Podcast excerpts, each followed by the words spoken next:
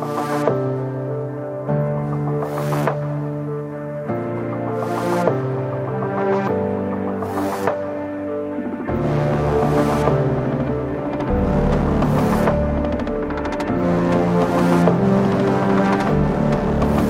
Dzień dobry, zapraszam do kolejnego odcinka podcastu z cyklu Pasmo Bezpieczeństwa, przygotowywanego przez Partnerstwo dla Bezpieczeństwa Drogowego. Jest to organizacja zrzeszająca podmioty administracji publicznej, organizacji społecznych, biznesu oraz mediów, oczywiście na rzecz poprawy bezpieczeństwa na polskich drogach. Ja nazywam się Krzysztof Woźniak i jestem dziennikarzem Radia Tok FM. Pokazują liczbę wypadków, zabitych oraz ofiar rannych. Są niezbędne do oceny stanu bezpieczeństwa i na ich podstawie ocenia się wpływ podejmowanych e, działań, a także wytycza się potrzebne e, działania. Dane z wypadków drogowych to temat tego podcastu.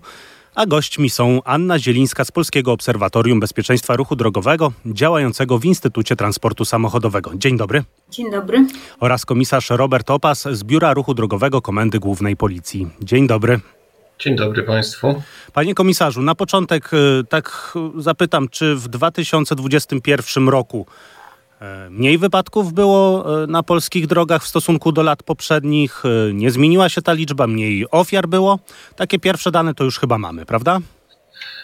Tak, mamy wstępne dane, bo oczywiście raport ukaże się w okolicach lutego, jak, jak co roku zresztą. No, wynika to między innymi z potrzeby właśnie prowadzenia statystyki e, i przepisów, które to określają. Natomiast jeżeli popatrzymy na porównanie chociażby z zeszłym rokiem, no to widać jasno, że liczba ofiar tutaj śmiertelnych przede wszystkim zdecydowanie zmalała, bo jest to około 10%, a jeżeli porównamy to z rokiem 2019, celowo to mówię, bo ten rok 2020 był bardzo specyficzny, oczywiście mówimy tu o epidemii, to ta liczba będzie mniejsza o ponad 23%. Jeżeli chodzi o liczbę zdarzeń, też jest to około 4% mniej w stosunku do zeszłego roku, jeżeli chodzi o wypadki to 2019 rok prawie 25% więcej zdarzeń i praktycznie w każdej kategorii, łącznie z osobami rannymi i z liczbą kolizji, możemy tutaj mówić o tym, że tych zdarzeń najbardziej poważnych e, no, na polskich drogach szczęśliwie było mniej. To są mniejsze liczby, nie powiem, że to są dane dobre, bo nas będą cieszyły, kiedy one będą jeszcze zdecydowanie niższe, ale tak, są to niższe liczby. No to oby tak e, ten trend się utrzymał przez najbliższe lata i już e, do tej wizji zero, żebyśmy dążyli, czyli zero ofiar wypadków śmiertelnych, ofiar wypadków drogowych, czy też poważnie rannych, bo to też dość istotne i, i w nowoczesnym podejściu, systemowym podejściu do bezpieczeństwa ruchu drogowego te poważne e, rany, które odnoszą ludzie też, też są brane pod uwagę i też tutaj Chcemy, żeby było ich e, jak najmniej w pierwszej e, kolejności. A no właśnie, podstawową, e, podstawą wiedzy na temat tego, jaki jest stan na polskich drogach, są raporty przygotowywane właśnie przez Komendę Główną Policji. Coroczne, coroczne raporty i na początek chciałbym, aby pan wyjaśnił trzy definicje właśnie zdarzenia drogowego i tutaj jest podział na wypadek drogowy oraz kolizję, gdyby pan mógł. Jeżeli mówimy o definicji podstawowej dla nas, czyli o ustawie prawa o ruchu drogowym, to mówimy tylko i wyłącznie o wypadku. Kolizja pojawia się, a to w dalszej kwestii wyjaśnię, ale przede wszystkim już w naszych rozporządzeniach, zarządzeniach. Więc definicją zdarzenia drogowego w postaci wypadku to zdarzenie, które ma związek z ruchem pojazdów na drogach publicznych, w wyniku którego nastąpiła śmierć bądź uszkodzenie ciała osób. Za śmiertelną ofiarę wypadku drogowego uznaje się osobę zmarłą w wyniku doznanych obrażeń na miejscu lub w ciągu 30 dni. Za ranną ofiarę wypadku drogowego uznaje się osobę, która doznała obrażeń ciała i otrzymała pomoc lekarską. Natomiast rozwijając tą kwestię i przechodząc do kodeksu karnego, e, no musimy wypełnić, jeżeli chodzi o wypadek drogowy, tak naprawdę trzy przesłanki, czyli naruszenia zasad bezpieczeństwa w ruchu lądowym, wodnym, powietrznym, nieumyślne spowodowanie wypadku i wywołanie obrażeń u innej osoby niż sam sprawca. Przechodzimy w tym momencie oczywiście do o najbardziej tragicznych zdarzeń, czyli tam, gdzie mieliśmy ofiarę śmiertelną. Przechodzimy również do średnich obrażeń ciała i do, można powiedzieć, lekkich obrażeń ciała, gdzie wypadek drogowy, jeżeli ten poszkodowany e, no, był poszkodowany, w którym rozstrój zdrowia był do dni siedmiu, traktujemy to jako wykroczenie. Natomiast y, przypomnijmy też, że wszystkie wypadki, gdzie są e, osoby, które odniosły obrażenia, trafiają przed oblicze sądu e, i dopiero takie postępowanie wyjaśnia później e, ten rodzaj uszczerbku na zdrowiu. Oczywiście poza tą najcięższą kwalifikacją, gdzie niestety mówimy już o ofiarach śmiertelnych. E, tak, żebym dobrze zrozumiał, i proszę mi wybaczyć, że tak dopytuję, ale ja dobrze rozumiem, że żeby zakwalifikować w ogóle zdarzenie na drodze, już tutaj zostajemy, jeżeli chodzi o kwestie drogowe, to E, to musi uczestniczyć pojazd i na przykład jeżeli dojdzie do jakiegoś zdarzenia na chodniku pomiędzy dwoma, dwoj, dwojgiem pieszych, to to nie będzie odnotowane w państwa bazie? No, zdarzenia pomiędzy pieszymi e, szczęśliwie w statystyce już od dawna nie występują, natomiast zdarzenia chociażby z rowerzystą na terenie chociażby chodnika, który jest e, też miejscem, gdzie odbywa się ruch i obowiązuje obowiązują przepisy prawa o ruchu drogowym, również się w tym zestawieniu znajdą, natomiast nie znajdą się w nim wypadki, nazwijmy to, ale nie już w zakresie obowiązywania ustawy prawo o ruchu drogowym. Tutaj mówimy o ustawie prawo o ruchu drogowym i miejscu, gdzie ten ruch odbywa się e, pod zasadami, które określa właśnie ta ustawa. Okej, okay, Pani Anno, tutaj pytanie do Pani. Czy standard zbierania danych o tym, co Pan komisarz mówił, właśnie tej kwalifikacji, E, kolizja, wypadek drogowy, e, że musi brać udział kierujący pojazdem, to jest jednolity. No, skupmy się na krajach Unii Europejskiej, tak żeby była bliższa ciału koszula. Znaczy, generalnie definicja wypadku drogowego i ofiary śmiertelnej wypadku drogowego jest jednolita od wielu lat. Y, we wszystkich krajach y, Unii Europejskiej. Powiedziałabym nawet szczerzej, w większości krajów y, świata, gdzie jest przyjęta jednolita definicja. Także tak jak, jak pan komisarz powiedział, to musi być zdarzenie na drodze publicznej z udziałem co najmniej jednego pojazdu w ruchu i, i definicja osoby zabitej jest przyjęta przez wszystkie kraje taka sama jak w Polsce. Mhm. Natomiast y, ta dodatkowa kwalifikacja, czy coś jest wykroczeniem, czy coś jest, czy, czy, czy karzemy kierowcę, czy sprawcę z kodeksu karnego, czy z kodeksu wykroczeń, no to to już jest bardzo mm, nasza specyfika, która generalnie dla statystyk wypadków i analizy problemu bezpieczeństwa ruchu drogowego no, chyba nie ma większego znaczenia. A właśnie, chciałem, e, to już wyprzedziła Pani moje, e, moje pytania, e, a bo chciałem zapytać właśnie o te kwalifikacje mm, i to, co już się pojawia w raportach rocznych. To pewnie też jest polska specyfika, że w momencie, kiedy pojawia się nowy raport policyjny, to w głównej mierze media czy też społeczeństwo chce zobaczyć, kto był winny najbardziej sprawcą był wypadku drogowego. E, a przecież e, w takim właśnie światowym podejściu to na to sprawstwo to się najmniej zwraca uwagę. Panie komisarzu, czy, czy to, że w tych raportach ta tabelka sprawców pojawia się, to też jest właśnie wynik odpowiednich rozporządzeń i przepisów, na podstawie których wy musicie zbierać te właśnie dane? Pierwszą kwestię uzupełnijmy jeszcze tylko tylko, że oprócz tych zdarzeń na drogach publicznych prawo o ruchu drogowym określa jeszcze strefy zamieszkania oraz mhm. strefy ruchu, więc to dodajmy do tej Czyli tam, gdzie de facto prawo, prawo o ruchu drogowym obowiązuje, w takim bardzo, w, w całym tak, zakresie. Tak. Mhm. Dokładnie.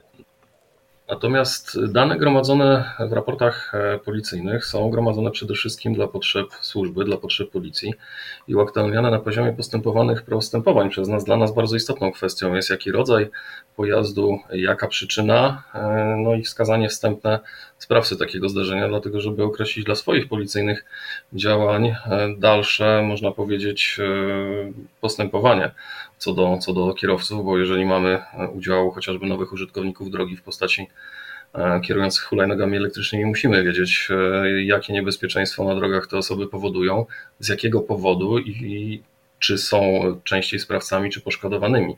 Także no, analizy nas tutaj, tych szczególnie mediów, troszeczkę mniej interesują, bo te dane są gromadzone na podstawie zarządzenia komendanta głównego policji w sprawie metod i form prowadzenia przez Policję statystyki zdarzeń drogowych i wykorzystywane no, głównie dla no, dalszego planowania dyslokacji służby i naszych czynności na drodze. Mhm. Pani Anno, a z punktu widzenia właśnie poznawczego, e, czy Wam, badaczom, instytutom, które zajmują się profesjonalnie takim podejściem systemowym, wyciąganiem najważniejszego, co jest e, przy okazji powstania wypadku drogowego, to ta sprawczość do czegoś jest potrzebna? Znaczy ja bym powiedziała, że my staramy się nie analizować tych danych, y, ponieważ y, to bardzo by nam ograniczało zakres wiedzy, którą, którą możemy z bazy danych zbieranych przez policję y, uzyskać. Chodzi o to, że jeżeli mamy dwóch uczestników wypadków, to jeden z nich jest sprawcą, przeważnie jeden, chyba że jest współwina, a drugi nie jest sprawcą. I nas interesuje, Y, y, interesują y, wszyscy uczestnicy wypadku. Z punktu widzenia właśnie działań prewencyjnych i analizy zagrożeń na ruchu drogowym nie chcemy ograniczać się tylko do analizy dotyczącej sprawców wypadków. Dlatego dane zbierane przez policję jak najbardziej dostarczają nam kompletu danych, nie musi, ale my nie analizujemy sprawców, tylko analizujemy wszystkich uczestników ruchu drogowego uczestniczących w wypadkach i zagrożenia, jakie w ogóle występują na drogach. Także y, jak najbardziej z punktu widzenia poznawczego dane zbierane przez policję i baza danych SEWIK y, dostarcza nam wielu informacji. Zresztą są to informacje na tyle spójne z bazami międzynarodowymi, że od 90, y, 1990 roku przekazujemy dane policyjne o wypadkach drogowych do mm, europejskiej bazy danych, mhm. do bazy danych OECD, tak, bazy KER i bazy IRTAT. I, i obie te bazy, nie, znaczy użytkownicy i zarządzający tymi bazami nie zgłaszają żadnych zastrzeżeń do, do, do naszych danych. W związku z tym one są wystarczająco spójne z bazami międzynarodowymi. Natomiast z punktu widzenia właśnie analiz dotyczących bezpieczeństwa ruchu, a raczej zagrożeń w ruchu drogowym, y, My traktujemy te dane szerzej, znaczy nie tylko określamy, nie tylko interesujemy się, kto był sprawcą, ale przede wszystkim analizujemy kto uczestniczył w wypadku, jakiego typu to były wypadki, w jakich okolicznościach dochodziło do tych wypadków. I to jest dla nas najważniejsze. E, no tak. Jeszcze może podam jedno tak, tak. zdanie, tak. ponieważ nie zakładamy z punktu widzenia osób analizujących problemy bezpieczeństwa ruchu nie zakładamy, że jakikolwiek uczestnik ruchu celowo doprowadził do wypadku. To zwykle jest y, jakiś splot nieszczęśliwych okoliczności. No tak, tutaj też musimy i, powiedzieć. I naszym, naszym, naszym celem naszych analiz jest y, poszukiwanie tych właśnie nieszczęśliwych splotów okoliczności, czyli jak y, kształtować środowisko drogowe, jak kształtować uczestników ruchu drogowego, żeby oni byli w stanie przewidzieć, co może im grozić na drodze i żeby byli, w stanie zapobiec tym, tym nieszczęśliwym zdarzeniom. Znaczy nie zakładam, że ktoś to zrobił specjalnie, że ktoś specjalnie potrącił pieszego, czy ktoś specjalnie wymusił pierwszeństwo, pie, yy, pierwszeństwo przejazdu. Chociaż i takie, chociaż i takie sytuacje się zdarzają. Chociaż i takie sytuacje się zdarzają i dobrze wiemy z różnych nagrań, że, że czasami to takie wymuszenie, najechanie, czy też czy też y, niebezpieczne zachowanie, to jest celowe. Ale z punktu widzenia definicji, oczywiście też y, z mm, przepisów, y, czy to kodeksu wykroczeń, czy to kodeksu karnego, to faktycznie wypadek drogowy jest nieumyślny gdyby był umyślny już, zwłaszcza to spowodowane, ten, który kończy się śmiercią, no to już wtedy byłoby zupełnie z innych e, paragrafów, ale to, to myślę też e, rozmowa na, na inny temat. Mm, chciałbym jeszcze powrócić co do tej sprawczości. Już zamykam temat, obiecuję i tu pytanie znów do pana komisarza. Mm, ja tak podpytuję o tych sprawców, bo mm, wiem, że oni nie są, te dane nie są aktualizowane później po ewentualnych wyrokach sądowych, jak rozumiem w tych raportach. E, nie dostajecie informacji, czy to, co uznaliście na początku podczas e, procesu przygotowawczego, czy też podczas zbierania danych niezbędnych i tych, których musicie o wypadkach e, drogowych, później to nie jest aktualizowana ta tabelka sprawczości po ewentualnej korekcie, czy też zmianie w procesie sądowym. Tak jak wcześniej podkreślałem, dane gromadzone dla potrzeb policji są uaktualniane na poziomie postępowań prowadzonych przez policję. Nie obejmują więc danych co do późniejszych orzeczeń sądowych. Ja przypominam, że dla nas sprawcy są o tyle też interesujący, no gdyż mamy tą rolę, której kierowcy nie lubią. E, oczywiście nie przy tych najpoważniejszych zdarzeniach, bo to trafiają przed sądy, ale postępowanie mandatowe no, prowadzone przez policję bardzo często wymaga tych danych. Także to jest myślę, że taka kompleksowa odpowiedź na to pytanie. No okej, okay, dobrze. To już wiemy, że, że to jest głównie na potrzeby policyjne, na potrzeby przygotowywania tej drogi procesowej.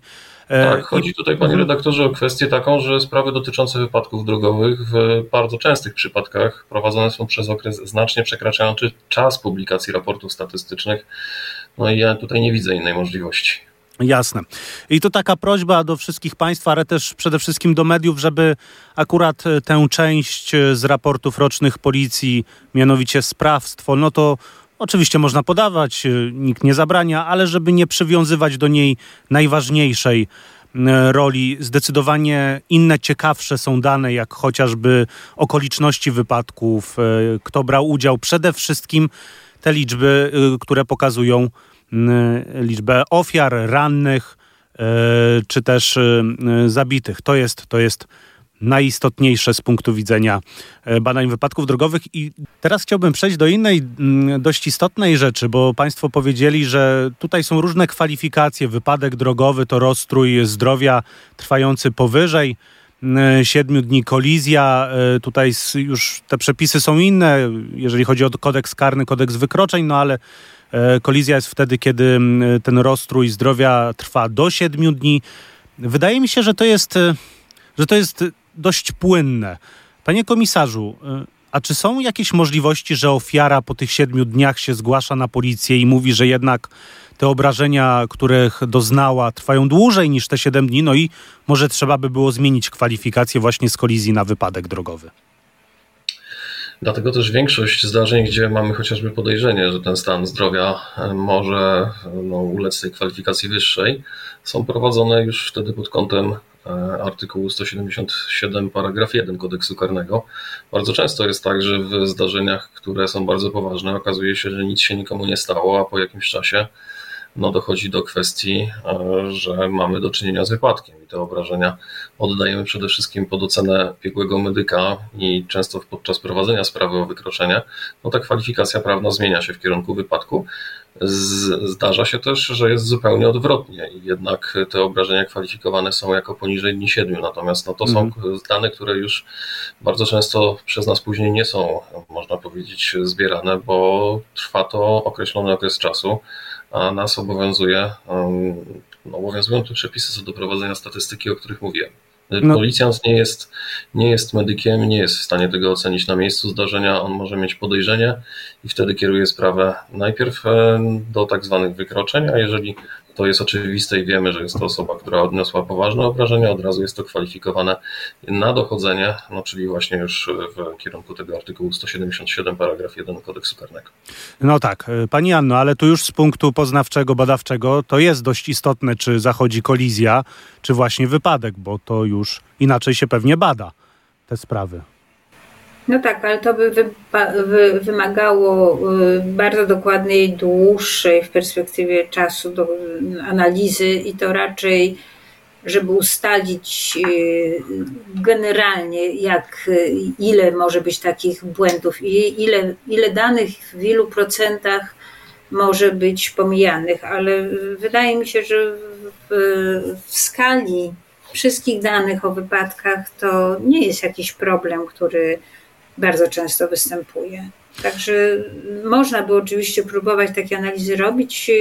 W Instytucie Transportu Samochodowego kilka lat temu takie, takie analizy zostały przeprowadzone, natomiast y, trudno jest y, je prowadzić, ponieważ y, trzeba tutaj połączyć dane ze szpitali z danymi policyjnymi no a tutaj mamy pewien problem, bo dostęp do tych danych z różnych względów y, i, i możliwość połączenia tych dwóch baz jest bardzo y, trudna. Natomiast jest to do, do sprawdzenia. Y, natomiast w aspekcie w ogóle analiz bezpieczeństwa ruchu wydaje mi się, że to nie jest jakiś taki problem kluczowy. Mhm. A jaki jest kluczowy Pani zdaniem? Kluczowy problem jest taki, że analizy w małym stopniu mają wpływ na podejmowane działania z mojego doświadczenia. Okej, okay, czyli. Bardzo, bardzo głębokie analizy i szczegółowe wcale nie powodują, że nasz mm, punkt widzenia się zmienia. Powiedziałabym, że od lat mówimy o tym, że dzieci są najmniej zagrożoną grupą y, w ruchu drogowym, a jednak o dzieciach mówimy najwięcej. Naprawdę? Ma... Blaski nie są decydujące w bezpieczeństwie ruchu, a jednak y, temat odblasków i, i jest uważany za jeden z kluczowych poprawiających bezpieczeństwo. Także y, to, to mi się wydaje z problemem. Mamy bardzo dużo danych, a w za małym stopniu z nich korzystamy, tak bym powiedziała. Znaczy, bardzo duży jest trud w zbieraniu tych danych, które mamy, trud policji natomiast wyniki analiz nie, niedokładnie przekładają się na nasze działania. Mhm, czyli, czyli chce Pani powiedzieć, że z punktu widzenia dostępności informacji o wypadkach drogowych, y, tak bardzo szeroko rozumianych, czy o przyczynach, okolicznościach, no, o tym, kto brał udział, w którym miejscu, to te informacje są wystarczające, ale po tej analizie nie do końca one są wykorzystywane w odpowiedni sposób. Tak mi się wydaje, że, że w za małym stopniu są wykorzystywane. Tutaj taki kluczowy przykład te, na, na poparcie tej mojej tezy jest taki, że wciąż y, wydaje się, że bardzo dużo uwagi poświęcamy wypadkom spowodowanym przez kierowców pod wpływem alkoholu, co mhm. oczywiście nie neguje, że to nie jest problem, to jest problem, ale w stosunku do innych problemów na drodze, to jest problem, z którym stosunkowo dobrze sobie radzimy. Znaczy, działalność policji w zakresie wykrywania kierowców pod wpływem alkoholu od e, wielu lat jest bardzo skuteczna i te kontrole są bardzo intensywne, i na tle innych krajów europejskich mamy bardzo dobre wyniki w tym zakresie, a jednak uważamy, że to jest główny problem, to są pijani kierowcy. Tak wydaje mi się, że w powszechnym, powszechnym odbiorze alkohol to jest to, to, to największe zagrożenie y, w sytuacji, kiedy mamy inne zachowania na drodze, które stanowią dużo większy problem, a są w mniejszym stopniu uważane za główną przyczyną wypadków. Oczywiście mówię tutaj o prędkości. No, mhm. ostatnie działania jakby mm, przeczą temu, co teraz mówię, bo rzeczywiście y, bardzo dużo uwagi w, najnowszym taryfikatorze y, mandatów poświęcono problemowi nieprzestrzegania ograniczeń prędkości, ale jednak w za małym stopniu powszechnie uważa się, że to prędkość jest przyczyną, a ze statystyk wypadków to jest ewidentnie główna przyczyna wypadków drogowych.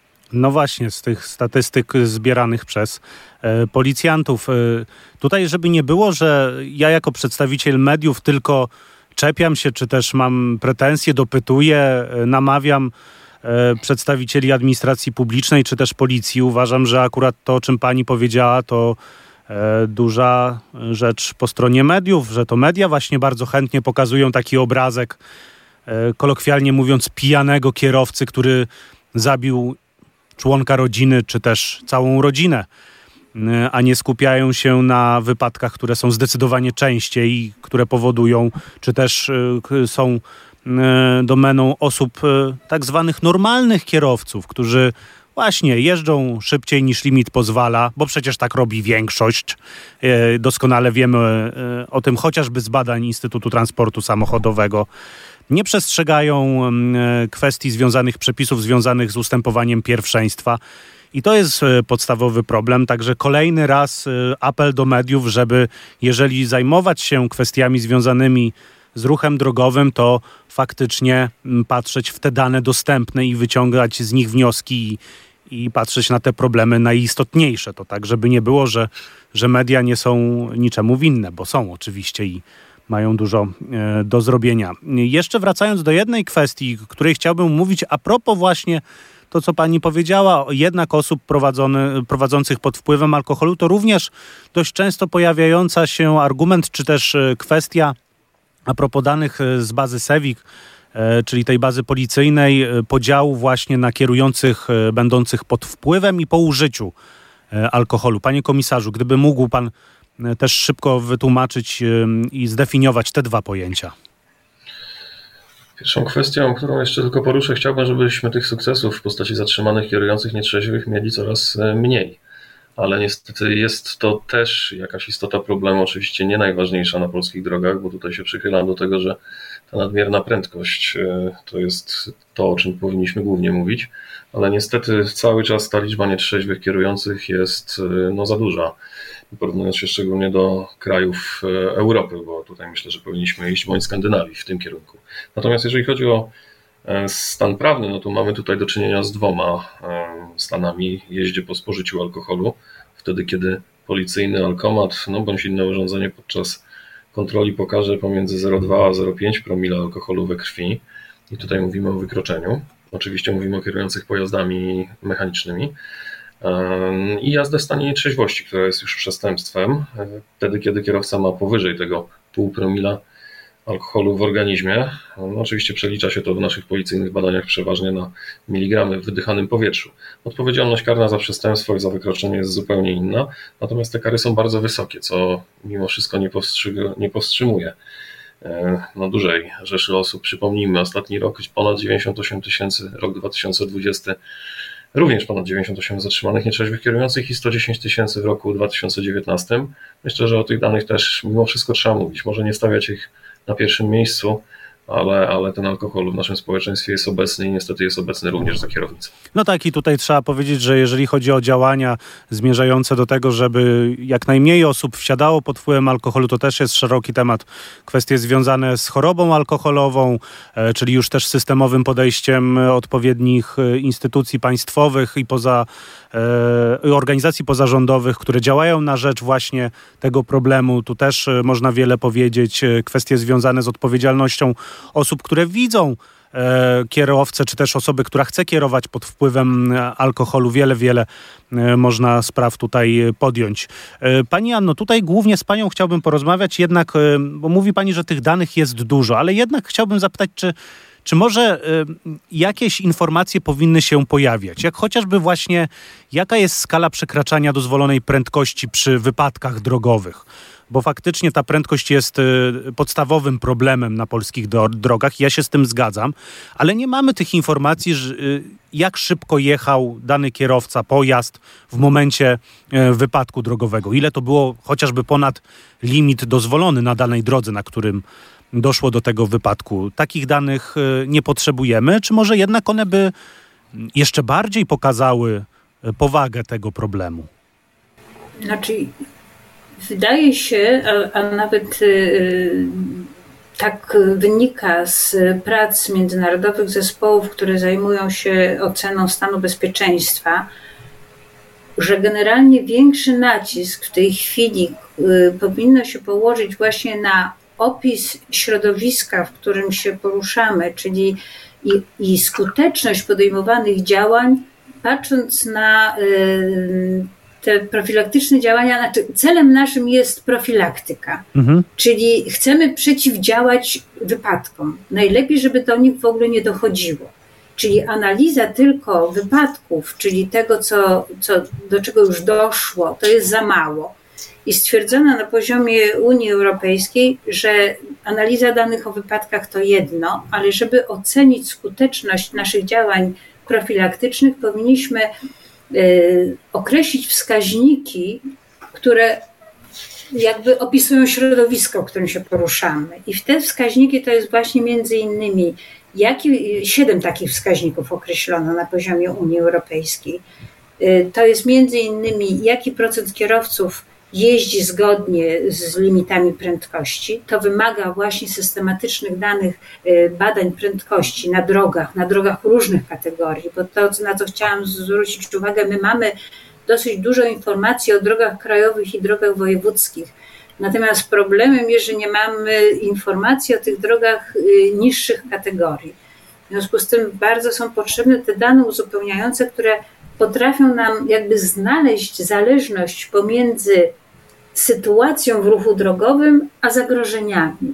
Mhm. Czyli ustalono, że y, jeżeli więcej kierowców będzie jeździło zgodnie z przepisami, to to powinno skutkować mniejszą liczbą wypadków. Przepraszam, że przerwę. Mówi pani, że powinno.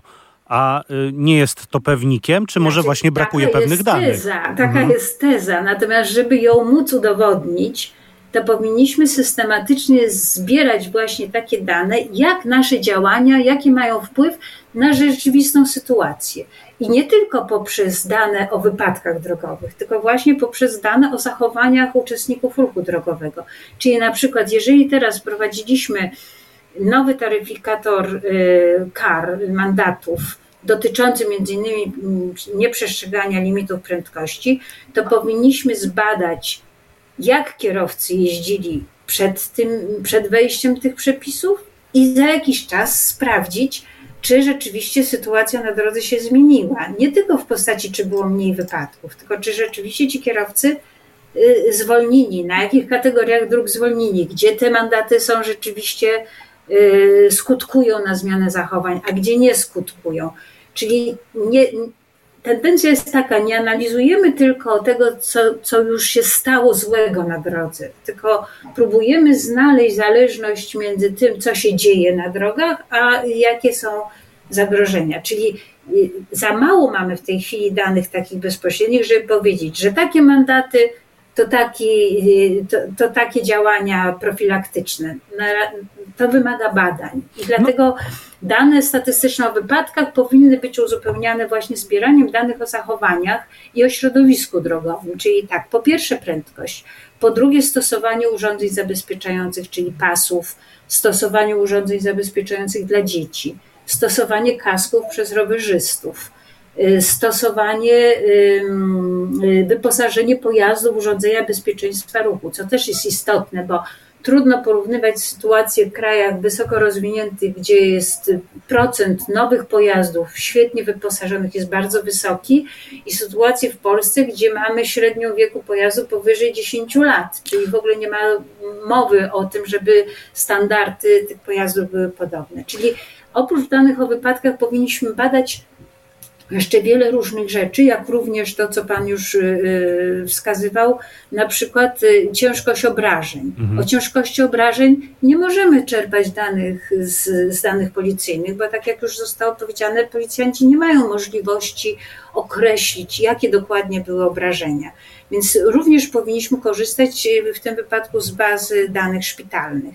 Następnym elementem, który należałoby oceniać, jest jakość y, pomocy powypadkowej, czyli to, co się próbuje w Unii określić, jaki jest czas reakcji od momentu uzyskania informacji o wypadku do momentu dojechania pomocy na miejsce zdarzenia. To też jest taki parametr, taki wskaźnik, który y, potencjalnie może y, decydować o tym, jaka jest skuteczność pomocy powypadkowej. Mhm. No właśnie tutaj pani dość istotną rzecz e, powiedziała na temat właśnie bazy medycznej e, i też planowania pewnych działań, bo skąd możemy jasno stwierdzić e, jednoznacznie, że rowerzyści powinni używać kasków, gdy nie mamy danych, na ile te kaski faktycznie zapewnią ewentualne bezpieczeństwo i zmniejszenie ryzyka urazów śmiertelnych czy poważnie rannych, no właśnie głowy. E, to dość istotne by były informacje.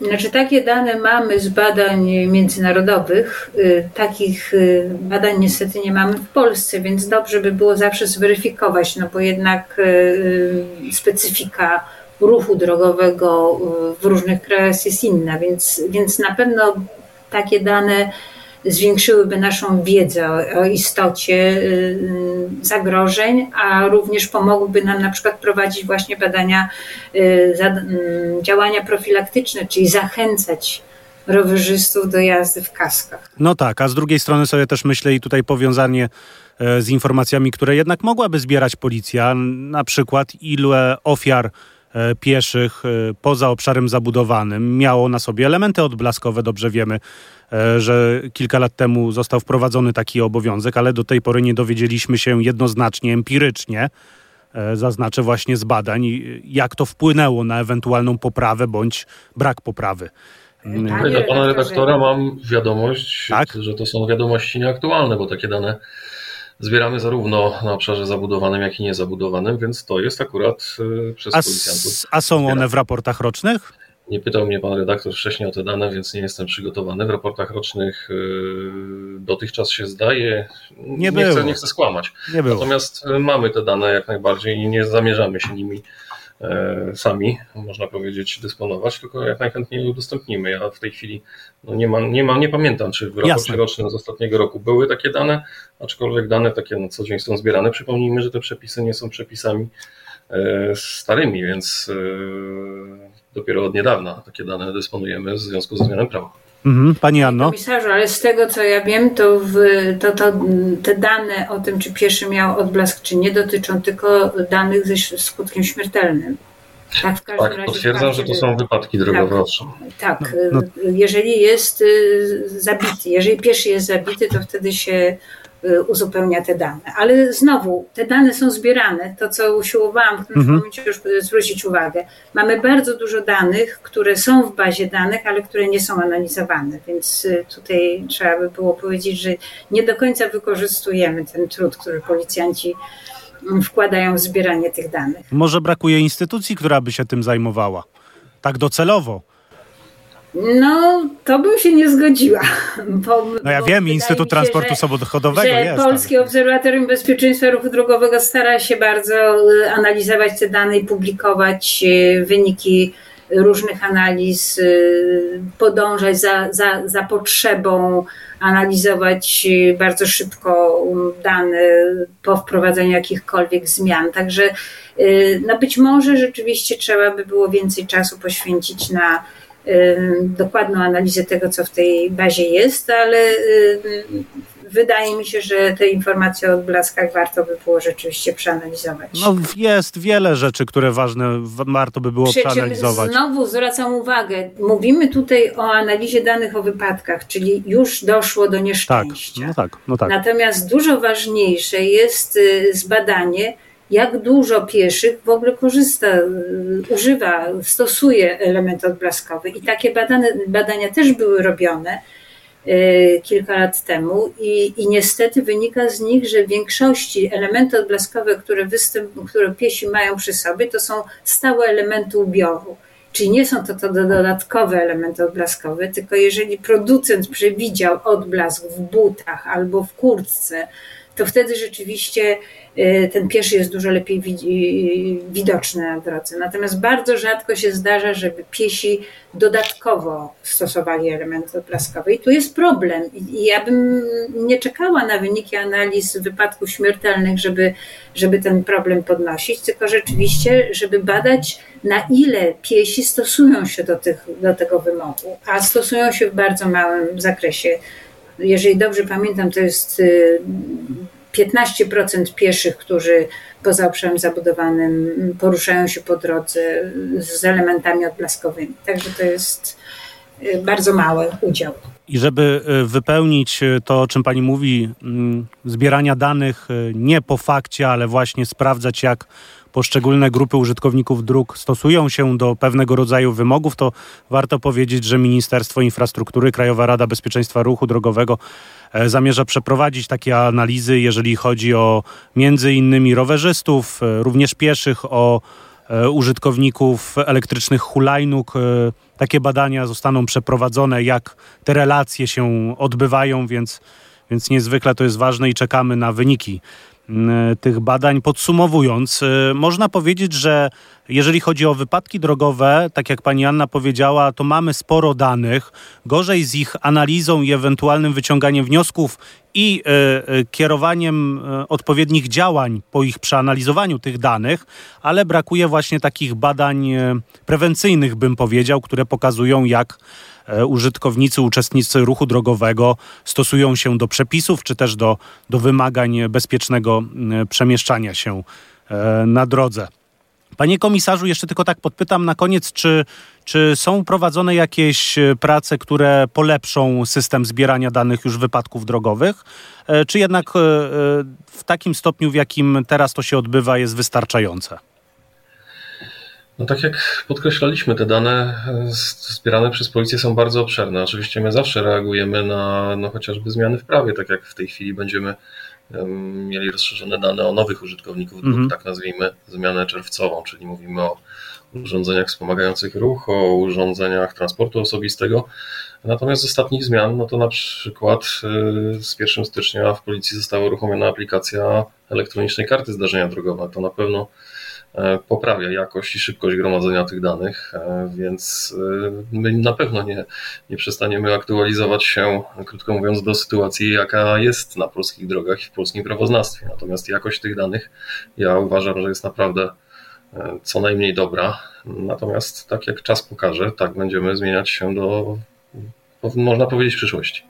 E, ja też bym sobie życzył, żeby było bardziej dostępne te dane, żeby było takie miejsce jak właśnie obserwatorium i bardzo dobrze, że jest y, i żeby poziom informacji, które są udostępniane, opisywane, tych analiz, o których mówiła pani Anna Zielińska, był jeszcze lepszy, jeszcze więcej było tych, e, tych informacji, żeby społeczeństwo miało e, dostęp do tego, bo to chyba jest najlepszy poziom edukacji dostępność danych o tym, jak się przemieszczamy, jak to wszystko wygląda, żeby pokazać też na twardych e, liczbach kwestie związane z poprawą i z ewentualnym brakiem poprawy bezpieczeństwa e, na polskich drogach. Anna Zielińska, Polskie Obserwatorium Bezpieczeństwa Ruchu Drogowego działające w Instytucie Transportu Samochodowego. Bardzo serdecznie dziękuję za rozmowę. Dziękuję bardzo. Oraz komisarz Robert Opas z Biura Ruchu Drogowego Komendy Głównej Policji. Dziękuję serdecznie panie komisarzu również za rozmowę. Bardzo dziękuję. Byli gośćmi e, tego odcinka podcastu Pasmo Bezpieczeństwa, które jest przygotowywane przez Partnerstwo dla Bezpieczeństwa Ruchu Drogowego. Zachęcam do odsłuchania wszystkich odcinków. Oczywiście dostępne są na stronie Partnerstwa dla Bezpieczeństwa Drogowego. E, Krzysztof Woźniak, kłaniam się nisko. Do usłyszenia.